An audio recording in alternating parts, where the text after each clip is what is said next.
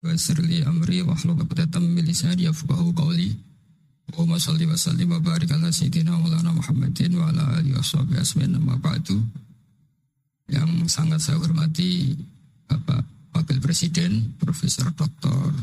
Haji Ma'ruf Amin dan istri Semua pejabat negara yang saya hormati Di sini ada Ibu Menaker Dr. Fauzia Kapolda yang saya hormati, Korem, semua yang saya hormati, Ketua MUI Banten dan Ketua MUI Jawa Barat, semua yang saya hormati. Ini tak tanya dulu sama Pak Dokter, ini gimana buat masker? Ini ini uh, Bismillahirrahmanirrahim. Saya syukur sekali diberi kesempatan sowan sama Kiai Ma'ruf karena beliau juga mustasar kami di PBNU dulu mimpin sebagai Rois Am dan dekat sekali dengan guru saya Kiai Maimun Zubair. Terakhir ke sana sama sama Kiai ya, Kiai Maruf ya sama-sama banyak Kiai di acara Bahmun saya akan matur tidak banyak tapi saya pastikan semua itu berdasar naskah yang ditulis Syekh Nawawi. Saya cerita yang serius itu tiga, yang relax tiga. Di dulu itu lama itu ya relax. Di antara tulisan saya Nawawi, saya ini termasuk pengagum Kiai Nawawi karena Kiai Maimun, putra Kiai Zubair, Kiai Zubair itu saking senangnya Kiai Nawawi itu naskahnya itu banyak tentang Syekh Nawawi. Dan saya termasuk Zuriyah Kudus, saya masih keluarga dengan Raden Asnawi, masih keluarga karena sama-sama Zuriyah dari Asnawi Sepuh itu yang akhirnya menikah Nyai Hamdana yang dulu pernah dinikah Syekh Nawawi. Terus Nyai Hamdana itu dulu dengan Syekh Nawawi punya putri namanya Zuhroh. Setelah dengan Raden Asnawi punya anak dinamai Zuhri. Punya Zuriyah ada yang namanya Kiai Minan, Kiai Niam, terus punya anak-anak. Di antaranya Kiai Hafid yang jadi menantu keluarga Sarang. Saya kalau boleh cerita, saya ini khatam tafsir Munir itu tiga kali. Dulu ngaji di sarang, dua kali.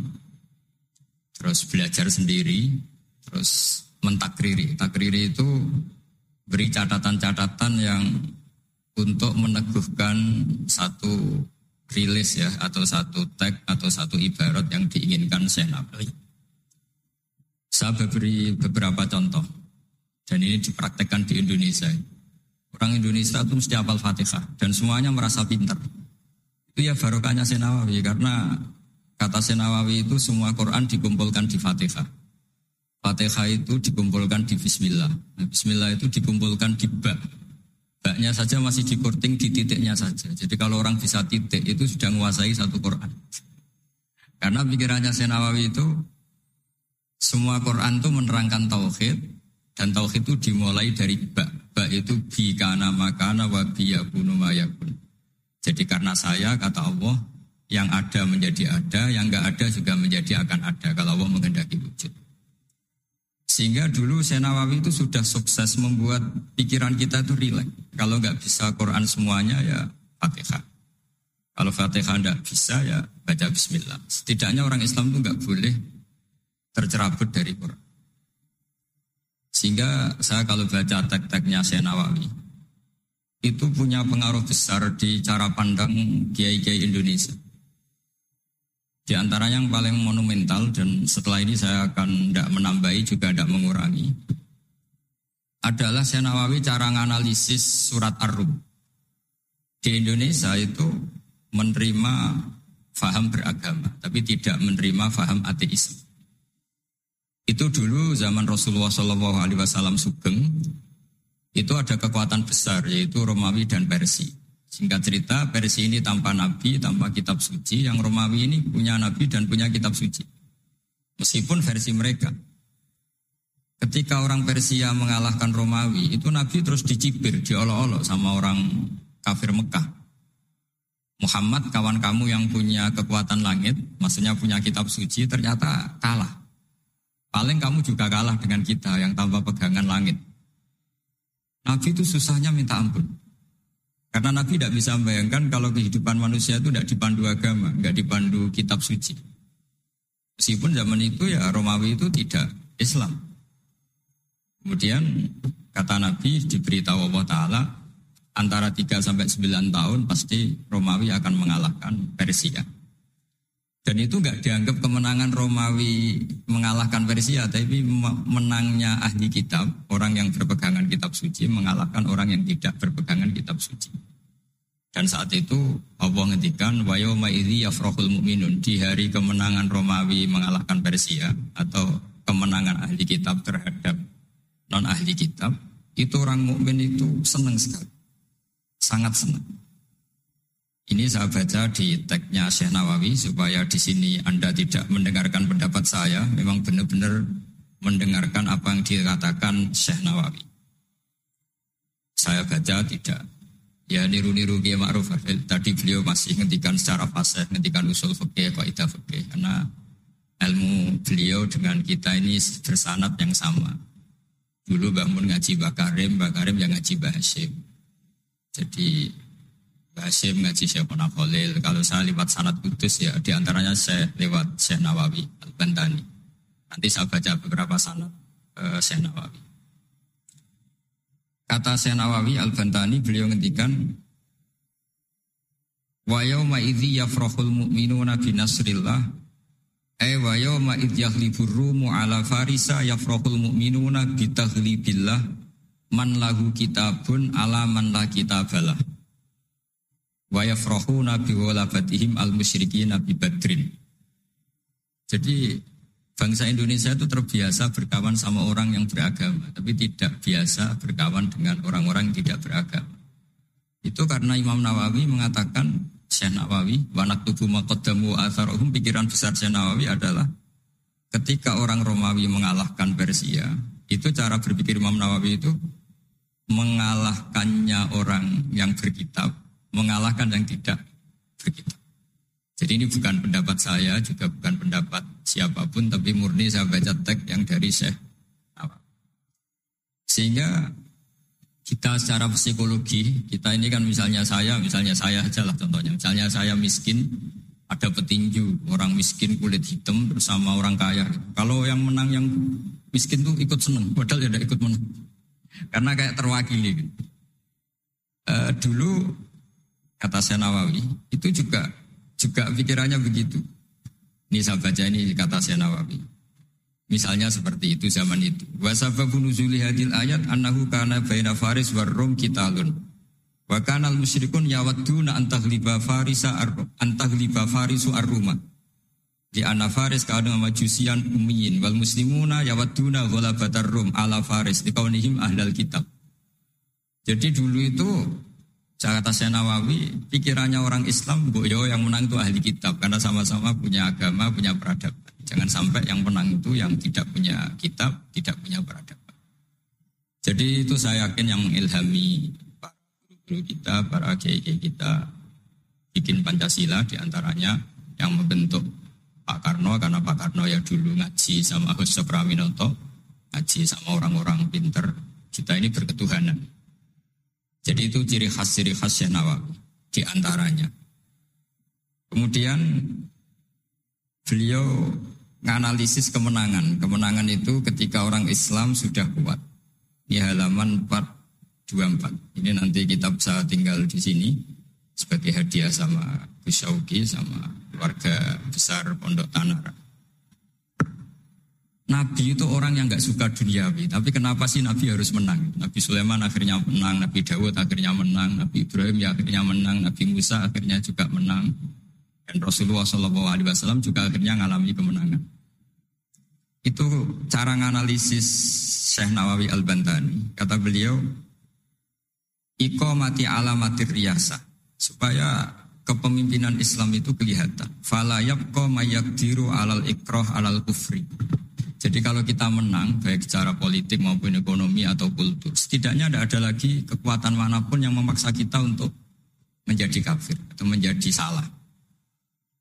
Kita tahu misalnya di beberapa negara di Eropa, barokahnya orang Islam kaya ya pemain bola dulu tuh kalau puasa susahnya bukan main. Gara-gara klubnya dibeli umat Islam itu malah cari tukang adzan di stadion itu karena yang punya sudah orang Islam.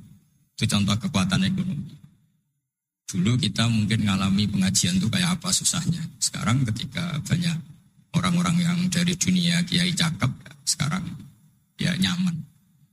Jadi di antara alamatnya tamkinu hadatin adalah walayumakinan nalagum dinahumul ladir tadolagum walayubadilannagum mimba'di khawfim amna. Ciri utamanya adalah tamkin fil ard. Merasa beragama itu nyaman, tidak ada yang enggak. Itu zaman itu Senawi sudah menganalisis kenapa sih Nabi harus menang. Kata beliau supaya layap ko mayak tiru alal ikroh alal kufri. Ini tafsir di ayat wayah dia kasirota mustaqimah ketika Syekh Nawawi menerangkan kenapa Nabi harus menang di halaman 424 surat Al-Fatih. Jadi itu sisi-sisi betapa Syekh Nawawi itu luar biasa. Terus menyangkut kiblat. Dulu ramai sekali di Indonesia kalau kiblat harus presisi betul, harus ditertibkan betul. Tapi ternyata masjidnya para wali dan para orang-orang soleh itu ya kayaknya asal madep mulon itu ada itu ada yang komentar itu kenanya Afrika atau Mesir entahlah. Tapi Imam Syekh Nawawi zaman itu ngendikan setelah beliau cerita presisi beliau ahli falak. Saya tahu banyak keahlian beliau falak karena saya punya kitab gurunya Syekh Nawawi. Namanya Syarus Salikin itu karangan guru beliau Syekh Abdus Somad. Itu kata beliau selain menukil pentingnya presisi kiblat, tapi beliau tetap menukil menukil itu ngutip Waruwiya an ibni Abbasin annahu qal al baitu kiblatun li ahli masjid wal masjid kiblatun li ahli haram wal haram kiblatun li ahli masyriq wal maghrib. Wa hadha qaulu Malik. Jadi karena orang Jawa itu rata-rata kiai itu mesti baca tafsir Munir sehingga ya dianggap enteng saja. Ya sudah lah pokoknya kira-kira madep mulon itu. Karena kalau masjid dipresisikan detail, nanti pertanyaannya juga yang sudah mati-mati harus dipresisikan karena wajib madep kiblat itu tidak hanya sholat tapi juga orang yang sudah meninggal itu bisa ribet itu. Ya kalau yang mbahnya wali jenazahnya masih utuh, kalau yang nggak wali kan sekliwat itu karena sudah nggak ada bentuknya.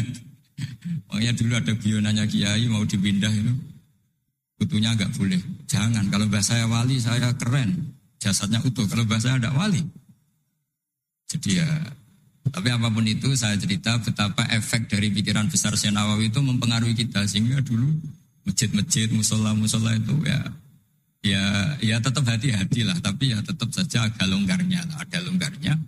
Karena beliau tetap mengutip uh, wal haram kiblatun lil adil masyrik wal maghrib. Jadi tidak hanya Mekah dengan makna Ka'bah atau dengan makna Masjid Haram tapi semua tanah dan itu bisa 25 atau 20 kilo persegi kemudian ini biar benar-benar halnya Senawi jadi saya tidak cerita pikiran saya tapi murni cerita uh, Syekh Nawawi, murni cerita Syekh Nawawi. Saya punya naskah banyak karena memang saya nekuni nekuni lah, nekuni betul. Saya hatam kalau nggak tiga kali saya hatam tafsir Munir. Ketika beliau menafsirkan fa'inna humul ghalibun. Ini favorit saya di di Syekh Nawawi. Pasukan Allah itu pasti menang, ya pasukan Allah itu pasti menang. Tapi beliau dengan unik menjelaskan ya ini supaya benar-benar Syekh Nawawi ya tidak tidak menambahkan, tidak mengurangi. Di halaman 278 jadi ngaji pakai kitab itu untungnya dua. Satu mengutip, dua terus gak usah mikir gitu. Jadi baru saya, saya mikir nanti salah di depan Pak Wapres, di depan orang-orang pinter malah sakit atau goblok gitu. Jadi kalau nukil kan aman. Paling salah ya salah baca. Kayaknya enggak lah. Saya pernah ngaji tiga kali. Kayaknya enggak. Tapi kalau misalnya salah ya apa-apa. Bismillahirrahmanirrahim. Fa inna humul ghalibun. Syekh Nawawi, wa mayyattakhidum saat terusnya terus hum al ghalibuna ala a'daihim bil hujjah. Fa innaha mustamirratun abadan. Amma bisolah wa daulah faqad dibulabun. Ini termasuk yang unik dari Sanawi. Kata beliau, Islam itu akan selalu menang secara argumentatif. Bu ada sekolah perbandingan agama, bu ada kajian agama. Asal yang dikaji Islam ya, bukan orangnya. Kalau orangnya ya macam-macam. Itu pasti argumentasinya itu meyakinkan karena hujah. Hujah bahwa Allah itu satu, bahwa kita harus berakhlak, kita harus meninggalkan narkoba, harus meninggalkan perzinahan. Itu argumentasinya mantap secara uluhiyah, mantap secara sosial juga mantap. Tapi kalau secara kekuatan politik mungkin akan selalu ada meskipun inginnya kita tidak ada. Orang-orang Islam yang minoritas di negaranya. Atau dengan tanda kutip tertindas di negara. Zaman itu Senawi sudah ngendikan yang pasti menang itu bil hujjah fa innaha mustamirratun abadan. Ini di halaman 278. Amma bisolah wa daulah Kalau kekuatan struktural negara atau politik atau ekonomi ya namanya hukum sosial ya kadang kalah. Dan itu dibuktikan secara lahir dulu Rasulullah itu pernah kalah di perang Uhud secara lahir. Ya karena itu fisik. Tapi kalau argumentasi logika Islam itu tetap kul falillahil hujjatul Logika Islam adalah logika yang kelima. Saya kalau didatangi beberapa dosen dari Jogja, saya sering cerita. Logika Islam yang paling kelima itu di antaranya saya sering memberi contoh. Ini misalnya saya megang kertas, ini besi. Pasti orang itu bilang besi sama kertas itu kuat besi. Tapi Anda salah. Secara materi memang besi lebih kuat ketimbang kertas. Tapi masalahnya yang mengendalikan saya, saya ingin menghancurkan besi sementara ingin menyimpan kertas. Artinya Islam itu mengajarkan kita itu kabeh biadillah. Apa artinya besi kalau di bawah rencana dihancurkan? Apa lemahnya kertas ketika rencananya diabadikan? Nah, ini pentingnya Islam. Artinya apa? Ketika Islam bilang al-amru biadillah, itu tidak bisa ditawar. Meskipun apa pun kekuatannya tetap menang Allah. Seperti tadi, saya megang besi sama megang kertas. Orang tak tanya pasti bilang kuat besi. Tapi kata saya, ada keliru. Karena saya punya rencana menghancurkan besi, mengabadikan kertas. Artinya Islam itu mengajari tadi seperti yang dikatakan Kiai Ma'ruf, la haula wa la quwata illa billah. Apa pun ilmu kita harus digarisbawahi secara materi kuat besi, secara materi kertas lebih rentan. Tapi harus ditambahin, tapi hakikatnya terserah yang mengendalikan. Jadi di sini Islam mensifati Allah biadihi malaku kulli Ya terserah Allah. Jadi teori la haula wala quwata illa billah itu tidak perlu diperbandingkan atau diperbenturkan dengan teori usaha. Kalau ada penyakit ya kita usaha. Ada di kitab Ihya, di kitab Dawa itu diterangkan Nabi Musa itu pernah sakit karena beliau men, merasa dekat sama Allah itu gak berobat, tambah sakit, tambah dikasih nasihat. Para dokter tetap gak mau berobat. Akhirnya Allah sendiri yang ngasih tahu, Sudah kamu berobat saja. Bukankah terserah jenengan Gusti? Kata Allah, apa kamu mau bilang saya bikin sesuatu itu tidak ada gunanya? Masa Allah bikin jahit ditanya, apa betul Gusti ini menghalalkan badan? Saya tidak tahu. Saya bikin juga nggak jelas. Kan nggak mungkin seperti itu. Tetap kata kata Allah, fa'ena atau hikmati. Lalu hikmah saya bikin sesuatu dengan fungsi tertentu, lalu gunanya apa? Kalau semuanya tidak ada gunanya. Semenjak itu Nabi Musa percaya atau mau ikhtiar dengan obat. Tapi obat saja tidak cukup, tetap al-amru biadillah. Saya sering kalau ngaji bilang kita takut covid ternyata nyuwun sewu mati kita kecelakaan. Kita takut penyakit tertentu membunuh ternyata mati kita kesetrum listrik. Tetap kita butuh tawakal. Meskipun bersamaan dengan itu tetap ada usaha melawan covid ingin ingin menghilangkan penyakit-penyakit itu. Tapi tetap al-amru biadillah. Sehingga ada keserasian syariat dan keserasian hakikat. Tapi saya pastikan uh, Syekh Nawawi ini memang luar biasa. Jadi beliau menghentikan banyak banyak hal yang menurut saya itu luar biasa. Jadi saya mengkaji apa tafsir Munir itu di antara khas-khas beliau adalah beliau bisa cerita tentang ya tadi tentang kekuatan-kekuatan Allah Taala dengan cara yang yang rileks. Kemudian kenapa kiai-kiai Indonesia itu ngadepi orang fasik itu tenang. Tidak langsung antipati seakan-akan fasik selamanya. Yang soleh juga tidak jumawa seakan-akan soleh sampai mati. Karena kata saya Nawawi itu ketika menafsirkan wa yu'adzibal munafiqina insya'a wa yatub. Namanya hukum sosial sudah saja yang sekarang fasik suatu saat soleh, yang sedang soleh suatu saat fasik. Karena Allah itu bisa saja merubah Orang munafik yang kayak apa biadabnya, kayak apa salahnya itu Allah ketika cerita tentang dirinya, wa munafikina insa'a. Allah ya bisa aja menyiksa orang munafik insa'a. Tapi tetap ada kemungkinan awiyatuba atau Allah memberi tobat. Nah barokahnya itu kadang-kadang kita sebagai GNU itu dikritik nggak jelas. Ya kita memang nggak mungkin jelas, memang potensinya ya yang sedang soleh ya bisa salah, yang sedang fasik ya bisa benar kan. Karena al-amru biyadillah itu itu ciri khas ciri khasnya Nawawi jadi jadi beliau dan itu membentuk kita semua eh, di halaman 251 juz 2 beliau ngendikan haitsu razaqahum al iman. Sehingga ya mereka biasa bisa saja suatu saat dikasih iman. Jadi itu contoh-contoh. Kemudian di halaman 288 ketika Nah ini biar benar-benar holnya Syekh Nawawi saya ada. Memang saya persiapkan khusus karena saya memang nggak perlu nyari. Karena saya punya takriran, saya punya takriran lengkap tentang uh, tafsir Munir. Jadi saya hanya butuh kutip, butuh memindah saja. Karena naskah itu sudah ada di rumah, terus ini tak pindah di sini. Dan rencana kitab ini tak uh, tak tinggal di sini memang untuk hadiah kepada Gus. Ketika Senawawi cerita tentang wala tajidan akrobahum mawaddatan lil ladzina amanu ladzina qalu inna nasara. Jadi suatu saat di komunitas komunitas yang kamu adepin itu kamu akan menemukan orang yang alien. Alien itu lebih rileks, lebih ya cara bahasa sekarang mungkin lebih simpati. Jadi orang-orang Indonesia itu lebih simpati pada agama tertentu daripada yang lain. Misalnya kata Syekh Nawawi ngendikan Waqat qala ba'duhum madzhabul yahud annahu yajibu alim isalu syarri ilaman khalafahum fiddin. Terus ketika beliau cerita yang satunya wa aman nasara falaysa madzhabum dzalik balil idza haramun fi dinihim. Fahada wajib tafawud. Jadi akhirnya orang Indonesia itu terbiasa dengan dengan seperti ini karena dulu Senawawi sudah sudah bilang. Jadi betapa Rasulullah itu lebih ingin yang menang itu yang masih punya agama. Jangan sampai yang nggak punya agama itu menang. Bisa dibayangkan kan kita tahu misalnya di ilmu medis kalau cloning itu dibolehkan itu kayak apa manusia jadi uji coba. Jadi gara-gara kita masih beragama, apa pun hebatnya teknologi cloning itu tidak serta merta di, diadopsi atau diterapkan. Jadi itu sumbangan-sumbangan Syekh Nawawi eh, pada kita dan yang membentuk kita.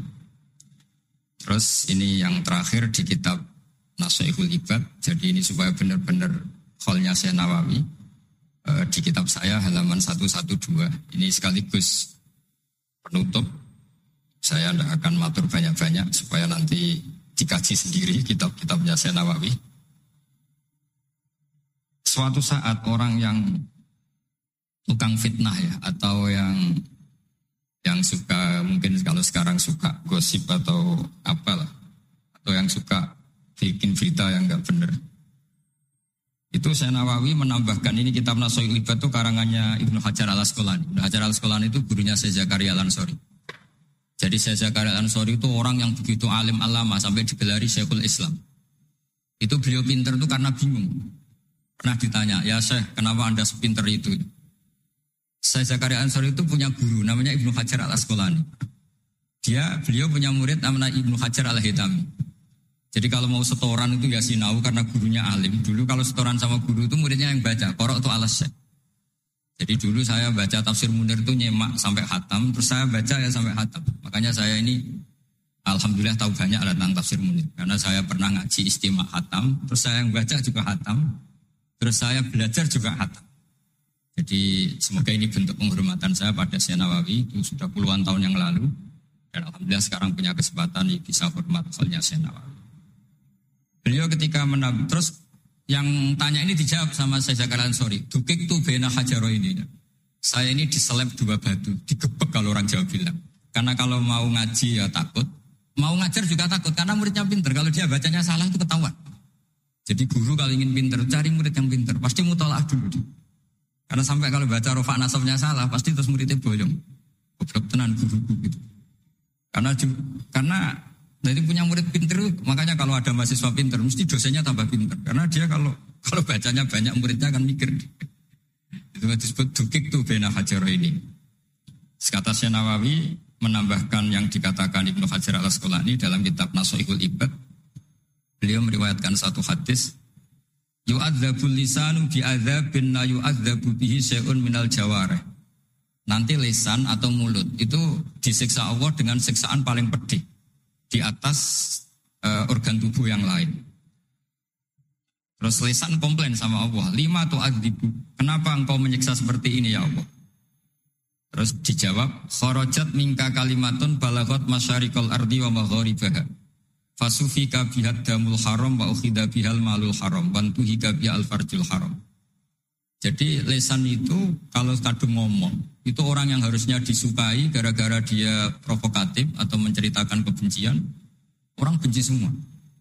Yang orang harusnya dibenci karena perilakunya tidak menguntungkan bangsa dan negara atau tidak menguntungkan umat Islam, gara-gara dipoles sehingga dicintai. Jadi lesan itu bisa merubah segalanya. Jadi sekali dia punya kesalahan, kata Syanawawi, sesuai riwayat yang beliau riwayatkan dan beliau ngendikan itu ruwiyah Anahu sallallahu alaihi wasallam beliau ngendikan bahwa ini diriwayatkan dari Nabi kharajat mingki kalimatun balagot atau kharajat mingka kalimatun balagot masyarikul ardi wa magharibaha fasufikat biadamul haram wa ukhidha biha al malul haram jadi ini sumbangan-sumbangan Senawawi yang kemudian membentuk kita. Jadi saya ulang lagi, mungkin para pengkaji naskahnya Senawawi tolong dibaca surat Ar-Rum. Surat Ar-Rum itu dulu Nabi itu masih belum kuat, masih di Mekah, dihimpit kekuatan besar, yaitu kekuatan Romawi dan Persia. Dan yang Romawi ahli kitab, yang Persia non ahli kitab. Dan orang musyrik itu non ahli kitab. Jadi tidak berkitab. Ternyata Nabi ketika orang Faris menang, Nabi dicibir sama orang-orang musyrik bahwa nasib Anda yang katanya punya kekuatan langit, pasti nasibnya sama dengan Romawi. Tapi ternyata Allah akhirnya memenangkan Romawi dan ketika Romawi yang menang ini oleh Senawawi ditafsirkan kemenangan yang punya kitab. Bukan ditafsirkan kemenangan apa? Romawi, tapi kemenangan yang berpegangan kitab itu lebih menyenangkan bagi umat Islam karena bagaimanapun yang punya kitab ini jauh lebih berperadaban, lebih beretika.